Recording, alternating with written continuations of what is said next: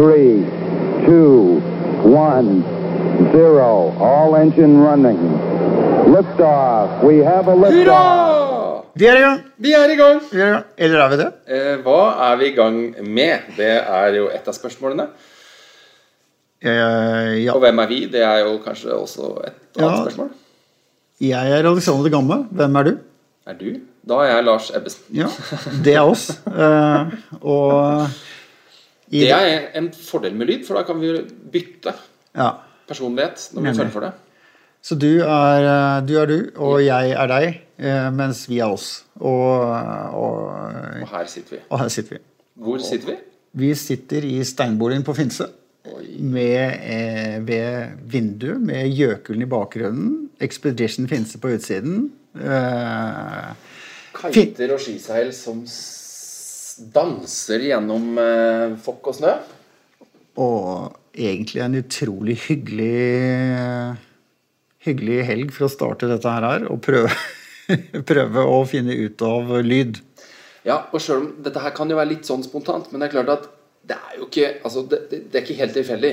Eh, ett, skal du starte en podkast som handler om tur, lange, korte, hva som helst, så er Expedition Finse Det må jo være Perfekt. startblokka. Absolutt. Det er eh, For de som ikke kjenner Expedition Finse, så er det på hotell 1222. Det eller Finse 1222. Det har holdt på, Dette er niende gang det er. Det ble åpnet første gangen eh, i eh, Da var det Stoltenberg som statsminister som var her og åpnet Expedition Finse Ja, som det den første. jeg. Da var jeg her. Og uh, siden det så har det vært i live, og det er også hundrevis av folk som er glad i tur og spennende, som er her i en utrolig helg. Lars, når vi først er inne på det eh, Og dette blir sikkert den første av eh, 110 digresjoner og eh, sidespor. Men eh, du har et nært forhold til Finse. Og jeg har også vært her ganske mye. Men hva er det som gjør at Det virker som alle som skal ut på lange turer hit og dit, de samles på Finse for å møtes og trene. Det er veldig mange gode grunner for å møtes her. Eh, hvis du drar til nesten alle andre små steder oppover i dalen, og sånt noe, så er du den første timen går du gjennom hyttelandsbyer. Og det er ikke så expedition. Kommer du til Finse, så er hele Finse Du må ikke banke sånn i bordet. Nei, Lars, for vi, vi er ikke sånn lydproffer ennå. Så det, er, det hørtes ut som et jordskjelv nå hvor du bare Men du, du fekter så veldig fint. Jeg prøvde liksom å fekte litt for å bli sånn empatisk og leve litt med det. Ikke sånn så det. Ok, da har vi lært én ting. Man må holde bordet i fred. Ja, skal vi sitte på hendene våre? Nei, det blir veldig varmt. Så, så Finse har den greia at du kommer hit på en grønn måte. Det er med tog. Det har en historikk som er helt fantastisk. Det er et lite sånn Klondyke-samfunn som så ser ut akkurat som det gjorde i, i 1904, da de gravde og holdt på her oppe og lagde Bergensbanen. Og du går av toget, går 20 meter og har en fantastisk verden for deg.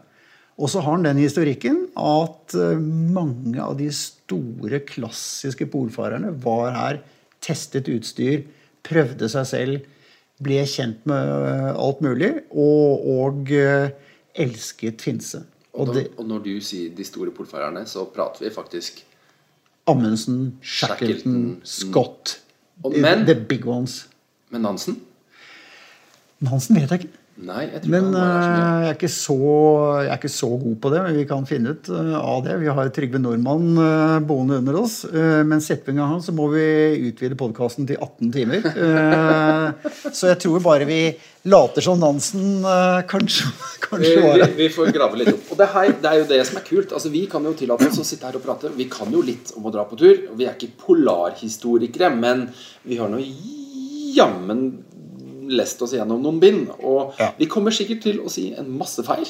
Og da Masse vet vi at vi har helt sikkert kanskje blant våre fire lyttere eh, en eller annen kritiker der ute som forhåpentligvis tar kontakt og sier Hei! Det stemmer ikke. Det var ikke sånn det var. Og så kan vi korrigere det neste gang. Det kan vi gjøre. Og, og, eh, men foreløpig er det sannsynligvis bare mødrene våre som hører på, hører på dette. Og, så de kritiske tingene er ikke sikkert kommer med en gang, men vi er veldig åpne for det. Jeg er ikke så bekymra for det. Jeg tror de kritiske tinga kommer. Ja, og vi er veldig klar for at vi har lyst til å heller si noe feil og holde litt trøkk. Og så at det skal være litt innlevelse og, og temperatur her, tror jeg. Apropos Finse. Jeg syns det er liksom moro med fun facts. Og jeg tror du, du er jo et vandrende bibliotek og arkiv med fun facts fra turverdenen. Og det er jo enormt med historier der ute som jeg håper vi kan klare å grave opp sakte, men sikkert. Men eh, det var jo ikke bare polarhelter som var her i de tidlige tider. Det var jo faktisk en ganske kjent skøyteløper. Det var mange som likte å gå på skøyter her, eh, faktisk. Og bortenfor hotellet der så er det noe som heter Skøytehalstomta. Der sto det en skøytehall bygget opp i, i tre, hvor de lagde skøytebane. Og der var Sonja Hennie la liksom eh, grunnlaget for sine gullmedaljer og sin fame. Hun dro opp her og hadde, hadde trening her. Det samme tror jeg var eh, Oskar Mathisen.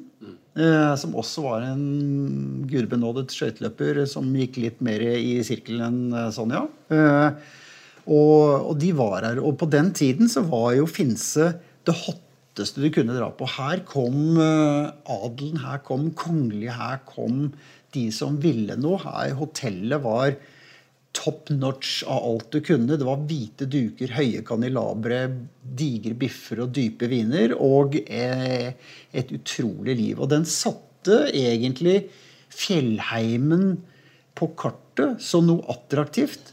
Og det, en annen morsom ting er at de hadde lands, eh, her på ski. Og hvor kvinner deltok i 1909.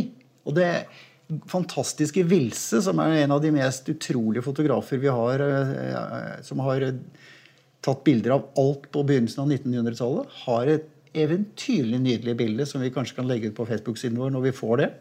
Eller hjemmesiden vår. Eller Instagram. Tja-tjang, det var en veldig snedig eh, overgang Ja, å si at vi har jo selvfølgelig da Ingenting. eh, snart vi har, Når du hører dette her, eh, så har vi Da har vi en Instagram-konto, Ja. Og så har vi en Facebook-side. ja. Og da må vi egentlig over Hva er det eh, Altså, vi har jo et navn. Nå ble ikke jeg ferdig med det jeg sa, da. Nei. Det var en sånn litt sånn frekk Men avbrytelse. Men det er ikke så morsomt. Bortsett fra det at det er, en, det er en dame som, med skjørt som hopper. Og hun stakkars Anette Sagen Hva heter hun for noe? Hun hopperen. Ja. Ja. Som måtte krangle så mye på 2000-tallet. Mens damen fikk lov til å delta sammen med gutta i, i 1909. Eh, Det er vi jo ikke så stolt av den utviklingen der. Det var litt av en feide, for så vidt. Men, eh, Mm. men eh, vi skal ikke, vi skal, vi vi skal ikke Det er ikke så mye skihopping eller kunstløp vi skal prate om, kanskje. Nei. Vi er ferdig. Nå har vi lagt det bak oss, tror jeg. Lars, hva tenker du at vi skal prate om i denne podkasten? Vi skal uh, prate om alt rundt lange turer. Eller korte turer? Ja, eller korte turer. Eller kort. Eller begge deler. Uh, nå er definisjonene litt ulne. Ja. Vi lever jo i en tid hvor, eh, hvor alle er clean på at ting skal være veldig nøyaktig. Vi har jo sett det av den lille krangelen fra Antarktis i år. At folk skal ha alt inne i Excel-ark for at det skal stemme. Eh, så eh, hva det, hva, hvor ligger skillet mellom korte og lange turer, eh, Alex? Jeg aner ikke. Og det her, jeg, når du først dykker inn i det her, så jeg, jeg, jeg, må si at jeg, er veldig opptatt av folk må få legge sine egne preferanser. Ja. Hva legger de i tur? Jeg husker jeg skulle prøve å skrive noe en gang eh, hvor vi skulle definere hva er en ekspedisjon. Ikke sant? Altså det, det, du, kan, du kan google det, og så kan man finne noen eh, mer eller mindre gjennomtenkte argumenter her eller der. Men la nå for guds skyld noe være personlig. Hvis tolvåringen har lyst til å kalle turen hjem fra skolen en ekspedisjon, ja, hvorfor skal ikke han få lov til det? Helt enig. Og eh, min sønn Noah og jeg, vi har eh, overnattingstur i telt hvor vi kjører til Frognerseteren. Og så går vi alt fra 36 til 89 meter inn i skogen. Setter opp teltet, fyrer primusen. Og da har han eh, stått for menyen, så det er ferdigsydde hamburgere. og så eh, skravler vi, spiser litt sjokolade uten å pusse tenna. Og så står vi opp bråtidlig, spiser frokostblanding, og så kjører jeg som en gal for at han skal rekke skolen på onsdag. Eh, og det er jo Det er tur. Er det, er det kanskje en uh, god definisjon på en ekspedisjon? Det er en tur hvor du ikke nødvendigvis må tenna. Nå tror jeg alle tannleger som går på tur, kommer til å fylle opp Facebook-siden vår. Ja, Nei, kommentarfeltet. Det var, Eh, ikke så enkelt. Jeg husker, jeg husker da vi etter Sydpolturen eh, jeg hadde med Cato og Harald, så, så holdt vi foredrag for en uh, tredje klasse. Eller var det fjerde klasse? Og da hadde vi også måtte, var det veldig streng lærerinne, så vi måtte liksom være litt gærne. Så jeg sa at eh, Og tenk dere da på tur! Og vi bare har med en svær bag med en lørdagsgodtpose, så vi hver dag skal spise sjokolade og alt vi liker, bare gafler det i oss. Og så driter vi å pusse tenna! Sier vi, og læreren satt bare Og så er det én liten hånd som stikker opp bak bak i klasserommet. Ja, hadde du et spørsmål? Ja, sa det ikke på Men jeg ser litt av en Colgate-tube bak bildet der.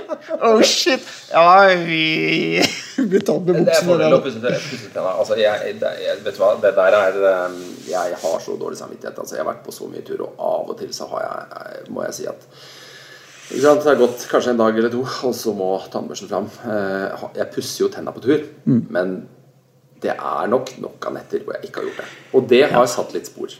Utvilsomt. Ja, du er blitt gift for det. da. Det ble jo ikke mye kyssing på tur, så du trenger jo ikke så mye pussing. Nei. Men eh, det er liksom når du kommer hjem og hverdagen kommer, så er det jo greit å liksom få brøsja litt opp igjen og få fylt igjen det som er bora eller eh, spist seg høl i øst og vest. Og jeg må si at jeg har jo noen fyllinger, og jeg tror at turlivet mitt har en liten skyld i det. Ja, jeg er helt sikker. Og, og hvis du har opplevd ordentlig tannpine på tur, hvor du skal ligge på Grønland og vente på et helikopter skal fylle opp en som ligger og skriker med tannpine, og du har brukt opp hele lille konjakkflasken eh, på den tanna, og du har ikke noe god tang for å rive ut den tanna, og han ligger i, i smerte og fortvilelse, og med verdens feigeste smerte som er eh, det, da pusser du tenna på tur etter det. altså. Så det du sier, er at man bør ha med en konjakk på tur i tilfelle noen får Av, medisinsk, medisinske grunner. Ja. Selvfølgelig. Lars, du er vi eh, La oss trekke oss tilbake igjen til eh, Finse. Eh, klokka begynner å tikke og gå mot at du faktisk skal i manesjen. Ja. Du skal lede en seanse her. Eh, kan ikke du fortelle litt grann om det? Ja. Jeg er, ikke, jeg er litt spent på den selv også. Jeg skal sammen med Anders Bakke, som er et orakel innen historie. Som vi helt sikkert kommer til å dra inn eh, her, for han er en strålende, morsom, underholdende historiker. Og det er en del superlativer som sjelden henger sammen når det gjelder historikere. Eh, Så, men vi skal snakke om eh, fame and claim. Hva er de forskjellige rutene i Antarktis? Hva betyr det? Hva har de forskjellige gjort? Og hva er en solotur, en lang tur, eh, en supported, unsupported? Og hva er de forskjellige turene opp mot hverandre? Og prøve å rydde opp i de begrepene som nå eh, er ute og flakser i, på alle sosiale meter. Vi har hatt eh, en liten race i Antarktis med Lou Rudd og Colin O'Brady. eh, som har skapt voldsomme følelser. Og nå er vi dit at det legger seg jo ikke. Alle de som kanskje ikke har best bakgrunn for å hisse seg opp, de er nå i ferd med å hive seg innpå dette som uh, senmajoritet. Og eh, vi skal prøve å rydde litt opp i dette og snakke om tur og langtur og begreper. Og for de som ikke har fulgt den derre debatten slash eh, diskusjonen slash krangelen som har foregått på eh, ymse eh, nettsteder, eh, kan ikke du dykke litt inn i kjernen veldig kort og fortelle om hva er det dette her handler om, og hvorfor er det så potent akkurat nå? Ja, skal vi se. Vi setter en liten time her nå. Jeg, Lars, jeg sa kort. Nå skal vi se. Dette her er første test. Lars får nå 45 sekunder hvor han skal prøve å eh, definere og forklare problemstillinga som har oppstått. Åh, akkurat dette er jo grunnen til at jeg egentlig har tenkt å lage den podkasten aleine. det blir ikke greit å ha med Alex. Det som er skjedd, det er at i år, eh, for de siste årene, har folk prøvd å krysse Antarktis uten depoter og uten hjelp av vindseil og noen ting. Fra kyst til kyst. Eh, det har vært mislykket. Det er en veldig vanskelig greie pga. tid og det hele. I år så var det to stykker som skulle gjøre dette. Eh, eller én som skulle gjøre det. Det var Lou Rudd, engelskmannen, som skulle gjøre dette. Og hedre en venn av seg som døde i et forsøk, forsøk for noen år siden. Worsley.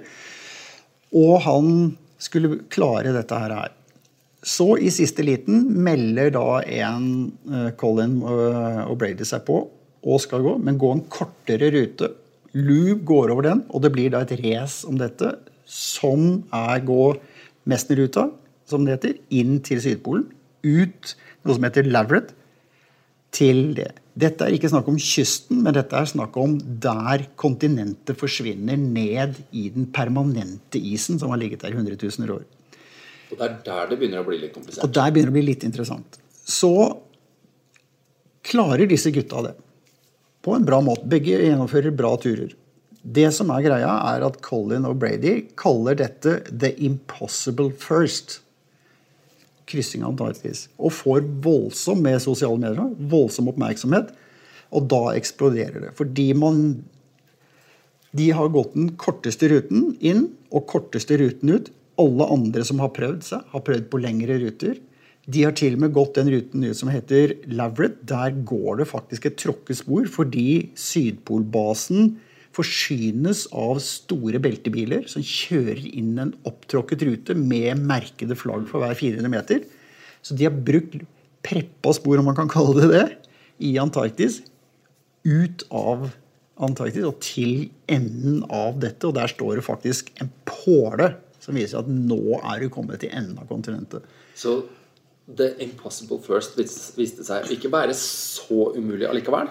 Alle har visst at hvis man tok den korte ruten, er det ikke piece of cake, for det er ingen tur i Antarktis, men veldig possible. Og da prater vi om en tur som er hvor lang? Den, Hvor langt gikk de? De gikk 1300 km eller noe sånt nå? Nei, den er nok lenger. Jeg tror nok det er 1700-1800 km. Hvis jeg ikke tar helt uh, 9, 6, feil. Ja, det er i beste fall. Jeg må sjekke opp litt.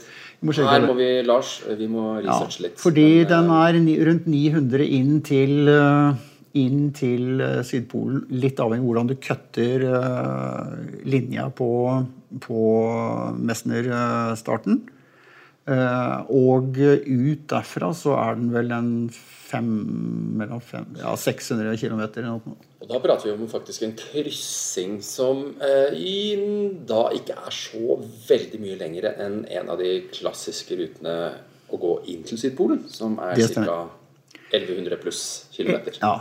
To hovedruter som er inn. Tre hovedruter. Du har eh, Hercules Inlet, eh, som du startet fra som er 1160 km. Og så har du den som er hvor Grant Messner startet i sin tid, og han hadde litt dårlig tid, som er 940 eh, rundt der, avhengig av hvordan du kutter den. Og så er det Berkner Island, som hvis du starter fra der hvor Børge Ausland og en del av så en, utsiden av den, så hvor du faktisk har skruis, så, så er den en 1340-1360 km omtrent.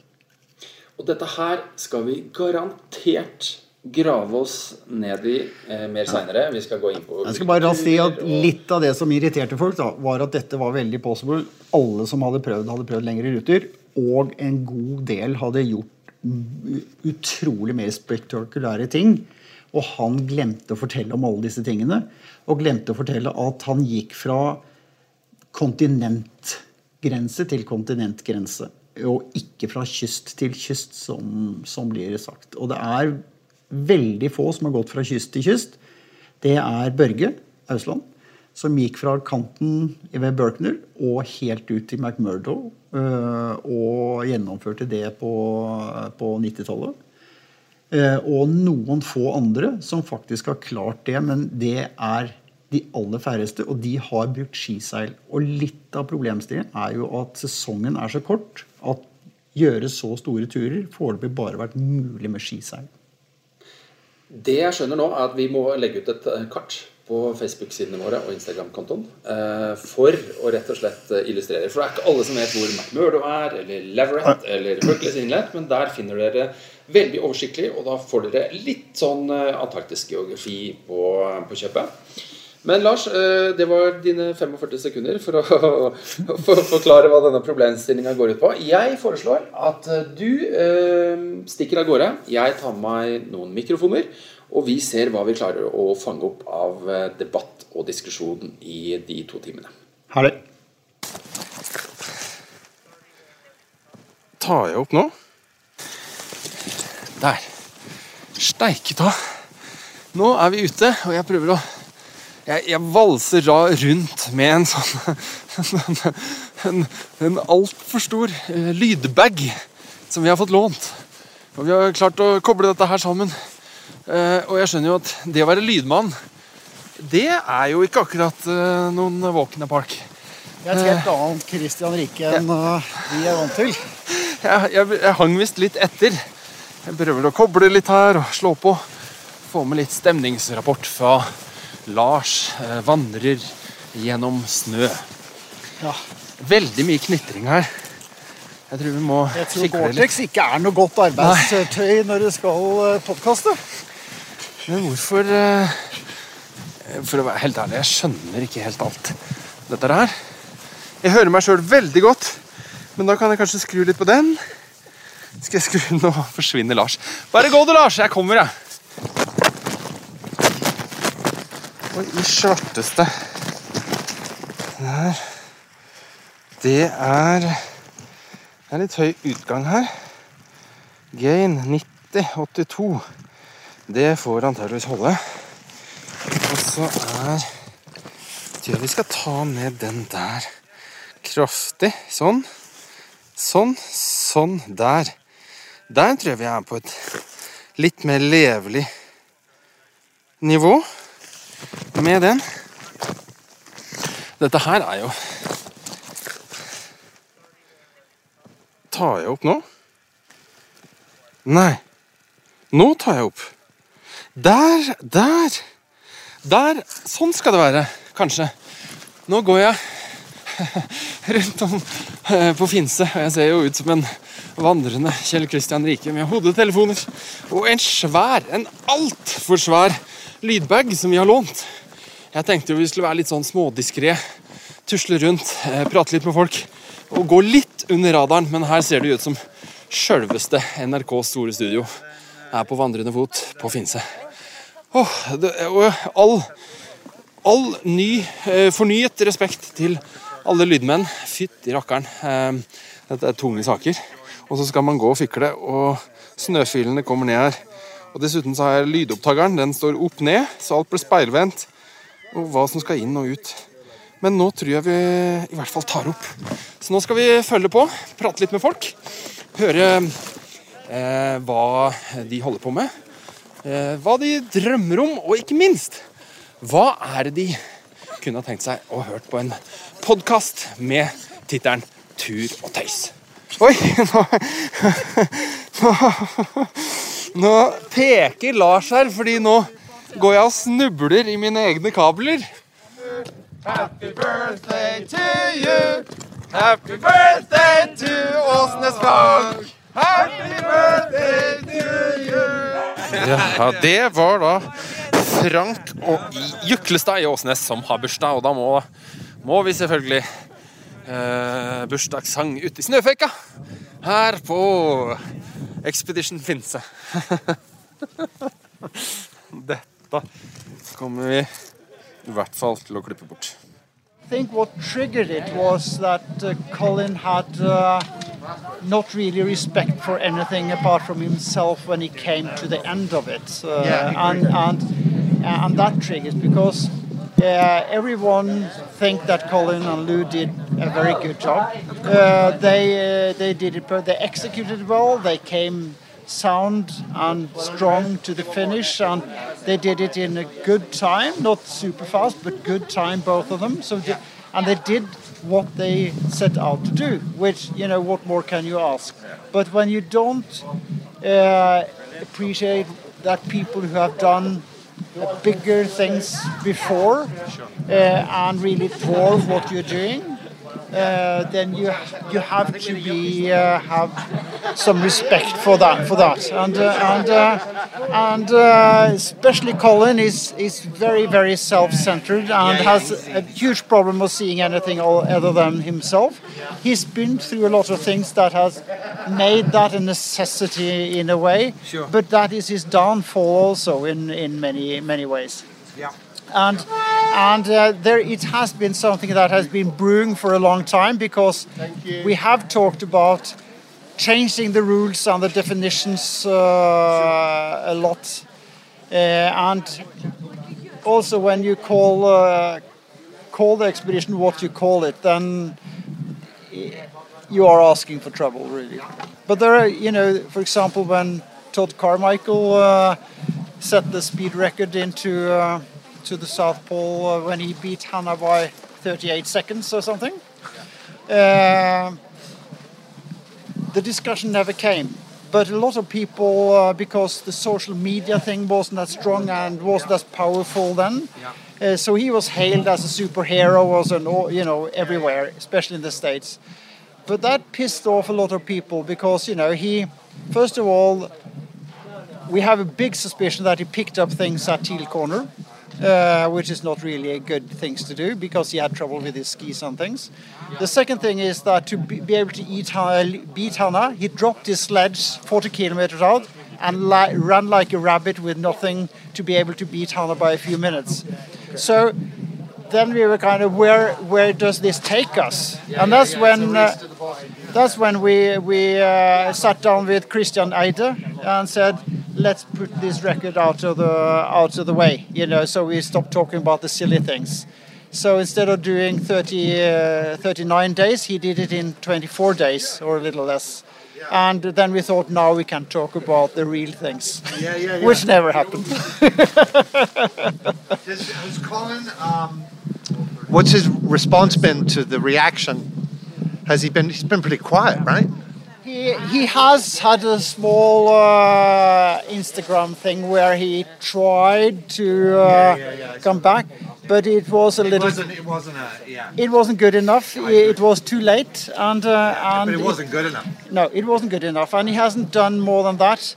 Uh, and uh, what is good for him is that what hits the news first stays as Yeah. as people- facts. That's what people. and, and remember. that that is the problem with these things that he won the race uh, in the media and uh, very few pick up the real facts afterwards so uh, he, he's job done uh, in many ways maybe his sponsors are a little reluctant on the next trip but but he has uh, he has accomplished you know as as Anders can tell you if you if you talk to him he's the really the guy who knows uh, when Scott came in and found Amundsen's tent at the South Pole, he writes in the diary, now the race is to be first back and hit the news. So that was already done. Right, So right, right. it has always been the one who hits the news first is the winner. That was the thing with Perry and Scott. That was the Scott through all of history is the claim is uh, is key. the biggest uh, biggest key to uh, Yeah, to sure, sure, what sure. is left in the broader audience's mind. Regardless of the fact. Wow. Der går diskusjonen høyt her for eh, Lars. Spørsmål fra ymse folk om hva i all verden er det som skjer i polarverdenen akkurat nå. Og det er en rivende diskusjon om da eh, hva som gjelder av ulike definisjoner og regler. Og det er jo et sammensurium av ting å forholde seg til. Hva er unsupported? Hva er unassisted? Hvor er starten på et kontinent? Er det med eller uten havisen? Og handler det om eh, stil, eh, hvordan ting gjøres, eller handler det om eh, førstemann for enhver pris, og ikke minst i forhold til hvordan man presenterer ting i media. Dette her er ting vi skal dykke ned i eh, også seinere. Og vi må jo eh, ta litt eh, selvkritikk, for at dette her er jo kanskje eh, en bitte liten kjerne av det innerste eh, i ekspedisjonsverdenens interesse. Og dette her er kanskje veldig sært for mange å forholde seg til. Men vi skal også ta opp en haug med andre litt mer generelle temaer i denne podkasten. er eh, Helsport, som har, lanserer nye soveposer. Her er Yorway, som har spesialturer. Her er Åsnes, hvor du kan eh, prøve alle mulige typer fjellski. Og her er det kiter ute på vannet, og her er eh, Acapulca med sine pulker. Og her vandrer folk, og her har vi Bengt Rotmo, selveste Bengt. Her er vi du, Vi er ute på Stuntreporter. Vi må ha et stemningsbilde her fra Expedition Finse. Bengt Rotmo han er ikke akkurat et uskrevent eh, navn i ekspedisjonsverdenen, så det var ikke uten grunn at jeg plukka tak i deg. Bengt, hvordan har du det? Veldig bra.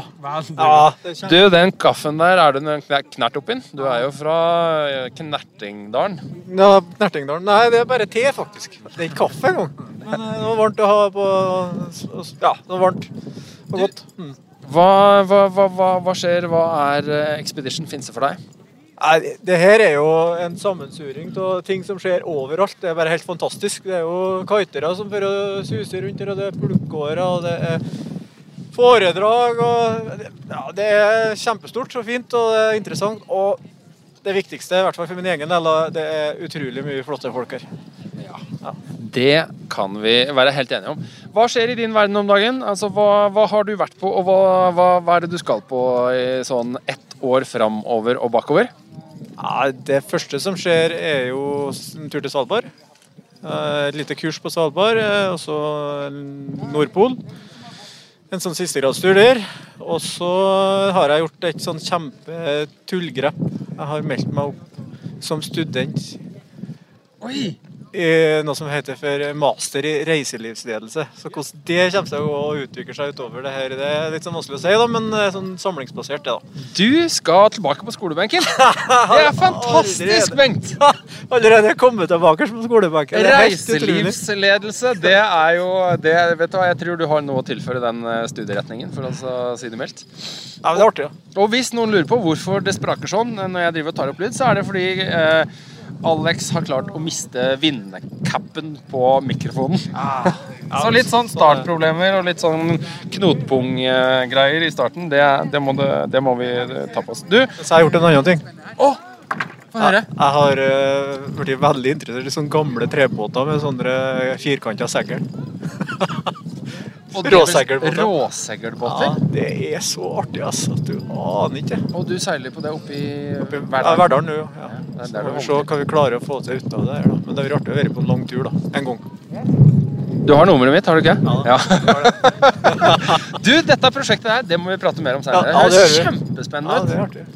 Du, vi får tusle litt videre. Takk for praten, Bengt. Ja, i like måte. Går jeg litt eh, bortover eh, Her står det noen pulker. Her står det da en uh, nymotens uh, velpakka stappfull pulk. Og så er det en god gammel klassiker. Skal vi prøve å finne litt ut av hva dette er?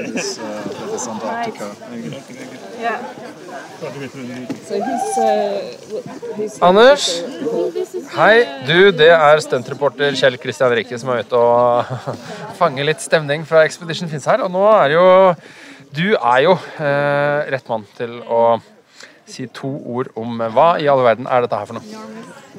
Det er eh, Og hvis du, mener, hvis du ikke ser det, så er det en mikrofon under denne ullhansken Nå her. jeg på hva er det du skal dra fram. Ja. Det vi eh, Det vi står på, er jo en eh, hva skal man si, en, en lang kopi av eh, Amundsens slede, lastet med ved, dekket med skotsk klær. Så det er en potpurri av polarhistorier, Oi. Kan man si det sånn. Men hadde den med så mye ved? Nei, han glemte ved òg. Ja, han gjør det. Amundsen er kjent for å ha glemt spader eh, og ved. Ah, virkelig? Okay, det med spar, var det ekte, og det med ved, var det litt tull? det er tull, ja. Ja, det er tull. Begge, begge deler er tull. Nei, spader glemte han jo. Ja, han gjorde det, ja. Ok. Du, men eh, hvor, hvor tungt er dette her lasta nå? da? Hva skal man si? En, øh, er vi på 50 kilo, kanskje? Med sledens vekt. Den ser jo egentlig styggtung ut, men 50 er jo ikke så mye. Husker du, Hva, hva prater vi om på når det gjaldt uh, Amundsens uh, slede? 300? Ja. Men da har du jo bikkje foran. Ja. Men det blir jo stadig færre. Det blir stadig færre. Og Uh... Ja, det er sant, det. Det var meget godt poeng, det. Men det er jo Fordi de rigget jo om på ved slakteren. Så, Men når de startet med 52 og kom tilbake med 11 Nå er ikke jeg mest hoderegning, men 11 er lavere enn 52. Ja, men det ikke sant? De, de spiste opp det. Alt gikk jo ned. Alt går ned. Det er sånne som krysser grønnen, og så begynner du med 300, men du ender på 100. Og de la jo store depoter til seg sjøl på veien tilbake. Så det er klart at pulkene ble jo mye lettere. Men eh, ja, Nå skulle jeg si noe lurt, men da glemte jeg det. Ja. Sånn er det å ikke ha noe manus. Nei, det er klart at det, det Amundsen gjorde, var at han, han gjorde jo alt for uh, å kjøre lett og hastighet på slutten. De gutta de lukta jo Lindstrøms uh, uh, mat helt innover hele Rossskjelfen. Sikkert litt akevitt òg. Så de, de trimma jo alt sammen ned maks. Jo, men nå er det jo sånn at altså, tenker jeg, Amundsen gikk på ski til Sydpolen. Nå gikk vel han ikke veldig mye på ski til Sydpolen. De gikk litt mer på vei tilbake, men på vei til Sydpolen så sto de vel stort sett bak uh, hundesledene. Det er jo det han ble kritisert for òg, da. særlig i England. At det var eh, bikkjene som var heltene i historien. Men så hadde de jo Bjåland som var satt for å være foreløper.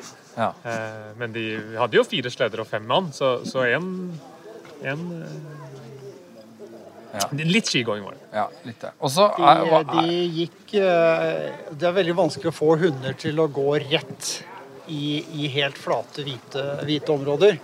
Selv om du kan styre dem med stemmer. Inuittene klarer det ganske bra. Men, men sånn som på Grønland så må vi ha forløper hele, hele tiden. Og, og du går faktisk også eh, på siden av sleden eh, mest mulig, både fordi du da er lettere å holde temperaturen og, og sånt, så du går jo selv om du henger på en slede. ja, ok, Bare for å være veldig sånn eh, med teskje. En forløper er da en fyr som må løpe foran hundet. Rett og slett en, en, en lederhund. Ja, han er På gulroten to på, den stangen, liksom. ja. Eh, Eller kjøttbeinet. Ja. så det er en eh, Så han er ganske, ganske viktig i, eh, i et hvitt område som, eh, som både Antarktis og, og, eh, og Grønland. Før vi forlater Amundsen sånn eh, med det første, så kom jeg på en fun fact. Altså, Amundsen var jo kjent for å være jæslig god på å planlegge. Som regel en god plan A, men også en plan B, og kanskje enda mer.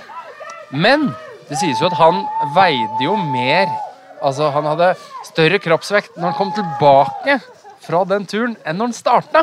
Og det, og det går vel kanskje inn da som en av håndfull eh, polar... Eh, eh, duder som har vært ute på tur, som har klart å legge på seg i løpet av en såpass lang tur. Nansen, eh, Jan Hansen Johansen gjør det samme.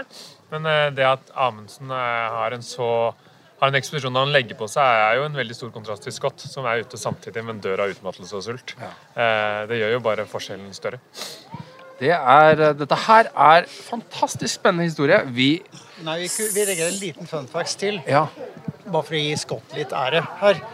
Eh, og det er jo at da de hadde det der eh, sydpolracet som de kjørte på Grønland, hvis du husker det, Ja. hvor de liksom illuderte Scott og Amundsen og hunder og trekke og sånt. Som ble til en kjent eh, film film dokumentar. og ble en. BBC-film.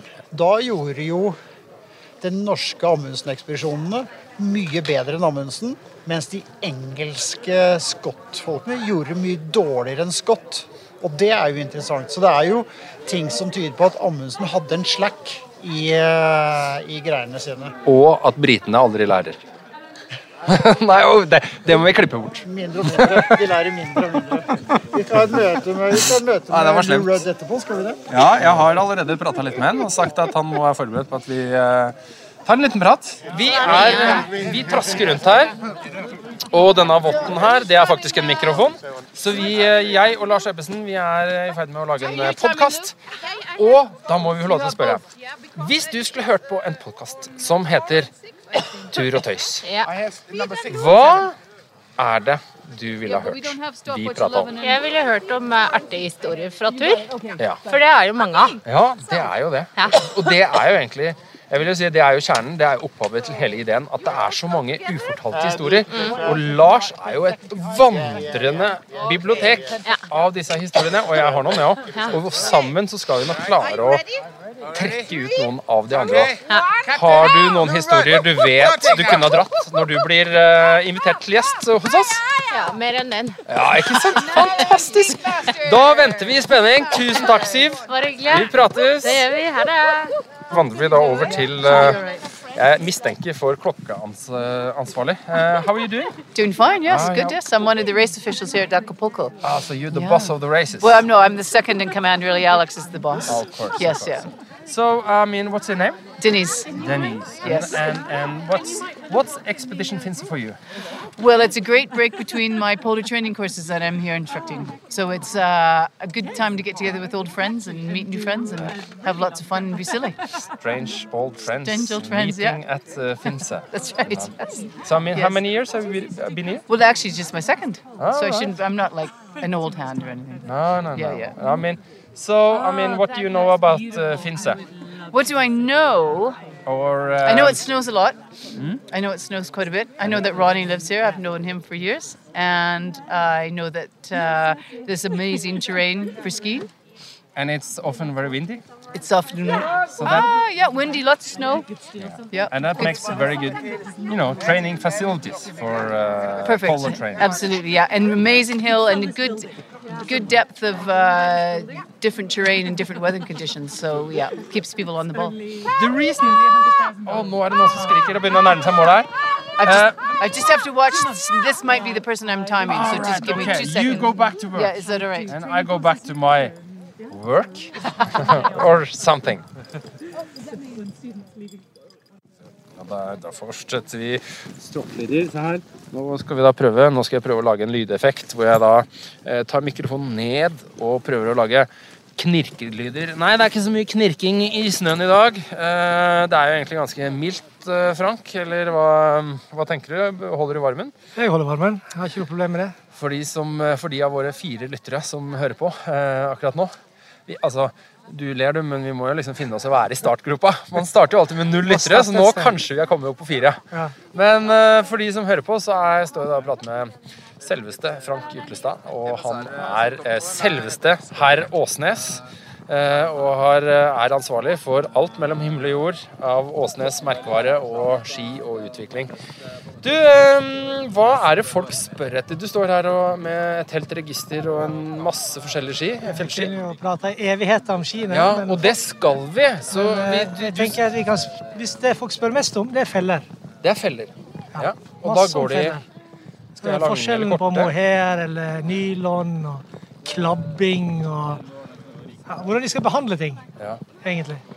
Og det kjenner jeg jo meg litt igjen i. Men eh, når du først er inne på det, mohair eh, og ikke. eh, Mohair, typer. mohair glir litt bedre og passer perfekt på kaldt føre. Og, og da er prislappen litt høyere, ikke sant? Litt, ja, ja, 50 kroner eller ja. Det er liksom ikke all verden. Nei, så du mener at det er vel, vel verdt å investere i mohair? ja, ja. Og så har du nylon, som funker litt bedre på grovkorn og snø, men som klabber litt mer. Og Da må du være flink å behandle. Men er det nylon tåler litt mer juling og varer litt Ja. lengre? Perfekt for sånne som deg, som skal liksom gå fram og tilbake til Sydpolen. Men for oss andre som Jeg vet ikke hva du eh, prøver å insinuere, men det, altså, jeg, skal, jeg skal ærlig innrømme at det, det er ikke alltid jeg henger helt med og kanskje være flinkest til å ta vare på alt, og jeg tråkker litt over stein, og av og til så burde jeg sikkert ha tatt av meg skiene når jeg tråkker over veien osv. Så, videre. så jeg er en røff bruker, jeg skal vedkjenne det. Ja. Så, altså, men andre spørsmål da, er det, er det foruten feller, hva går de eh, nå? Nei, det går på staver. Valg av stavlengde, f.eks., når du skal på fjellskitur. Har du noe å anbefale der? Ja. Ja. Hvor høye skal disse stavene være da? Jeg vil si 5 cm under armhulen. I hvert fall 5 cm lavere enn en langrennsstav. Sånn at du får eh, lavt grep og hånda under hjertet. Og her kan jeg legge inn, da. Dette her, eh, nå er vi over i da eh, langtursegmentet, men nettopp det her å holde stavene korte nok når du skal ut og gå i dag etter dag og uke etter uke, det er sabla viktig. Og vi har en gammel eh, tommelfingerregel. Det er at du skal ha ikke lenger stav enn når du holder den, så er det 90 grader vinkel i albueleddet. Og det er jo egentlig altfor kort. Sånn som vi tenker at en stav skal brukes. Men når du går med pulk og lenge, så får du fort betennelser i skuldra hvis du skal løfte henda opp på skulderhøyde hele tida. Enormt med repetisjoner. Det der er en gammel klassiker, så det, det får vi sparke inn som et lite superhot tips hvis Ja. du skal over Grønland eller gå Norge på langs eller et eller annet sånt. Uansett, hver dagens tur så bør du vurdere å ha litt kortere stav. Men er, hva er mer populært? eh, Mest, mest populært? Er det teleskopstaver, eller er det ikke? Det er jo teleskopstav som gir en mulighet for å regulere mer. Eh, Men jeg mener det er tryggere med en hel stav eh, enn en teleskopløsning. Ja, Mener du det? Jeg elsker jo teleskopstaver. Jeg kunne aldri tenkt meg å egentlig bruke noe annet. du, er, et, du er profesjonell og vet hva du gjør. Takk, takk, takk. Eh, Det har jeg til å si. Eh, Men det, er jo sårbart for fuktighet og at du ikke tar staven for langt ut før du begynner å bruke den. og eh, sånne ting. Så vi ser eh, vi får en del eh, eh, tilbakemeldinger på at folk rett og slett bruker feil. staven feil. Frank, vi eh, skal definitivt lage fjellskispesial eh, etter hvert. Det her er eh, innafor hele utstyrssegmentet, så det skal vi prate masse om først. Men til slutt, hva er liksom eh, Expedition Finse? Hva, er, hvordan, eh, hva syns du det er? eh, Hvilke forhold har du til det? Jeg har ikke så eh, tett forhold til det, egentlig. Jeg har ikke hatt tid til å være her før. Jeg er opptatt av å selge ski. Ja, det, det er en ærlig sak. Og, og der fant Alexander opp eh, at han ikke har tatt opp. Nei, Fy faen. Kødder du?! Nei! Der er vi inne, og nå har eh, Lars og jeg vi, vi har trekt trukket oss opp i gangen, fordi nå begynner det å bli eh, støyete og høylytt nede i Mikrobarn, mikrobaren, er det det heter? Millibaren? Millibar. Millibarn. Det har vært en fantastisk dag. Det har vært helt utrolig moro. Du har prata med en haug med mennesker, og jeg har fått gå rundt som en sånn stuntreporter med en eh, sokk eller en vott på mikrofonen og prata med masse folk. Det er, vet du hva, dette her var mye kulere enn det jeg faktisk hadde forventa. Mye kulere. Og, og ufattelig engasjement, hvor at folk syns dette her eh, høres ut som Det virker nesten at de har venta på det. Og eh, vi hadde en liten sånn Er det der navnet vårt egentlig, egentlig eh, i, i havn med, med tur og tøys? Og det har vel folk så vidt nesten konkludert med allerede, har vi ikke det? Ja, altså, har du tygd litt på det? Jeg, jeg har, du kan si hva du tenker før jeg uh, sier noe. Ja, jeg, jeg, jeg tror det. Folk uh, Vi har kommet med et smil, og folk har uh, likt det smilet. Og har, de har skjønt at vi er totalt ufarlige, og vi kan snakke om alt av tur og alle problemstillinger. Og det er bare hjertet for tur som, som gjelder, med et bredt smil, og da tror jeg det er eh, helt riktig. altså. Og så må vi jo bare få lov til å avslutte og repetere oss sjøl nok en gang. ikke sant? Gå inn på Facebook-sidene våre eller Instagram-kontoen Tur og tøys. Gi oss eh, tips, gi oss temaer, gi oss eh, pepper, gi oss intervjuobjekter. Hva vil du høre? Hvem vil du høre det fra? Vi er åpne for alt. Absolutt alt. Så Bombas og Alexander leser hva du skriver, og forteller det til meg. Eh, den Facebook-siden den, eh, den er jo allerede ganske bra, er den ikke det? Jo da, den er eh, kjempebra. Det Om er, om noen eh, dager er den kjempebra. Og det kan hende at det også gjør at vi ga øker eksempel fra fire lyttere til åtte neste gang. Det er litt ambisiøst. En dobling. Altså, Men vi får se. Besteforeldre også, ikke bare mødrene våre. Ja, veldig bra. Jeg tror det er på tide å wrappe opp. Det har vært en fantastisk dag. Eh, Vi sier takk til Finse, og takk til alle dere 234 som har hørt på. Og vi lyttes. Det er vi. Da sier vi at det er camp her. Hurra! Hurra. Tranquility Base here. The Eagle has landed. It's one small step for man, one giant leap for mankind.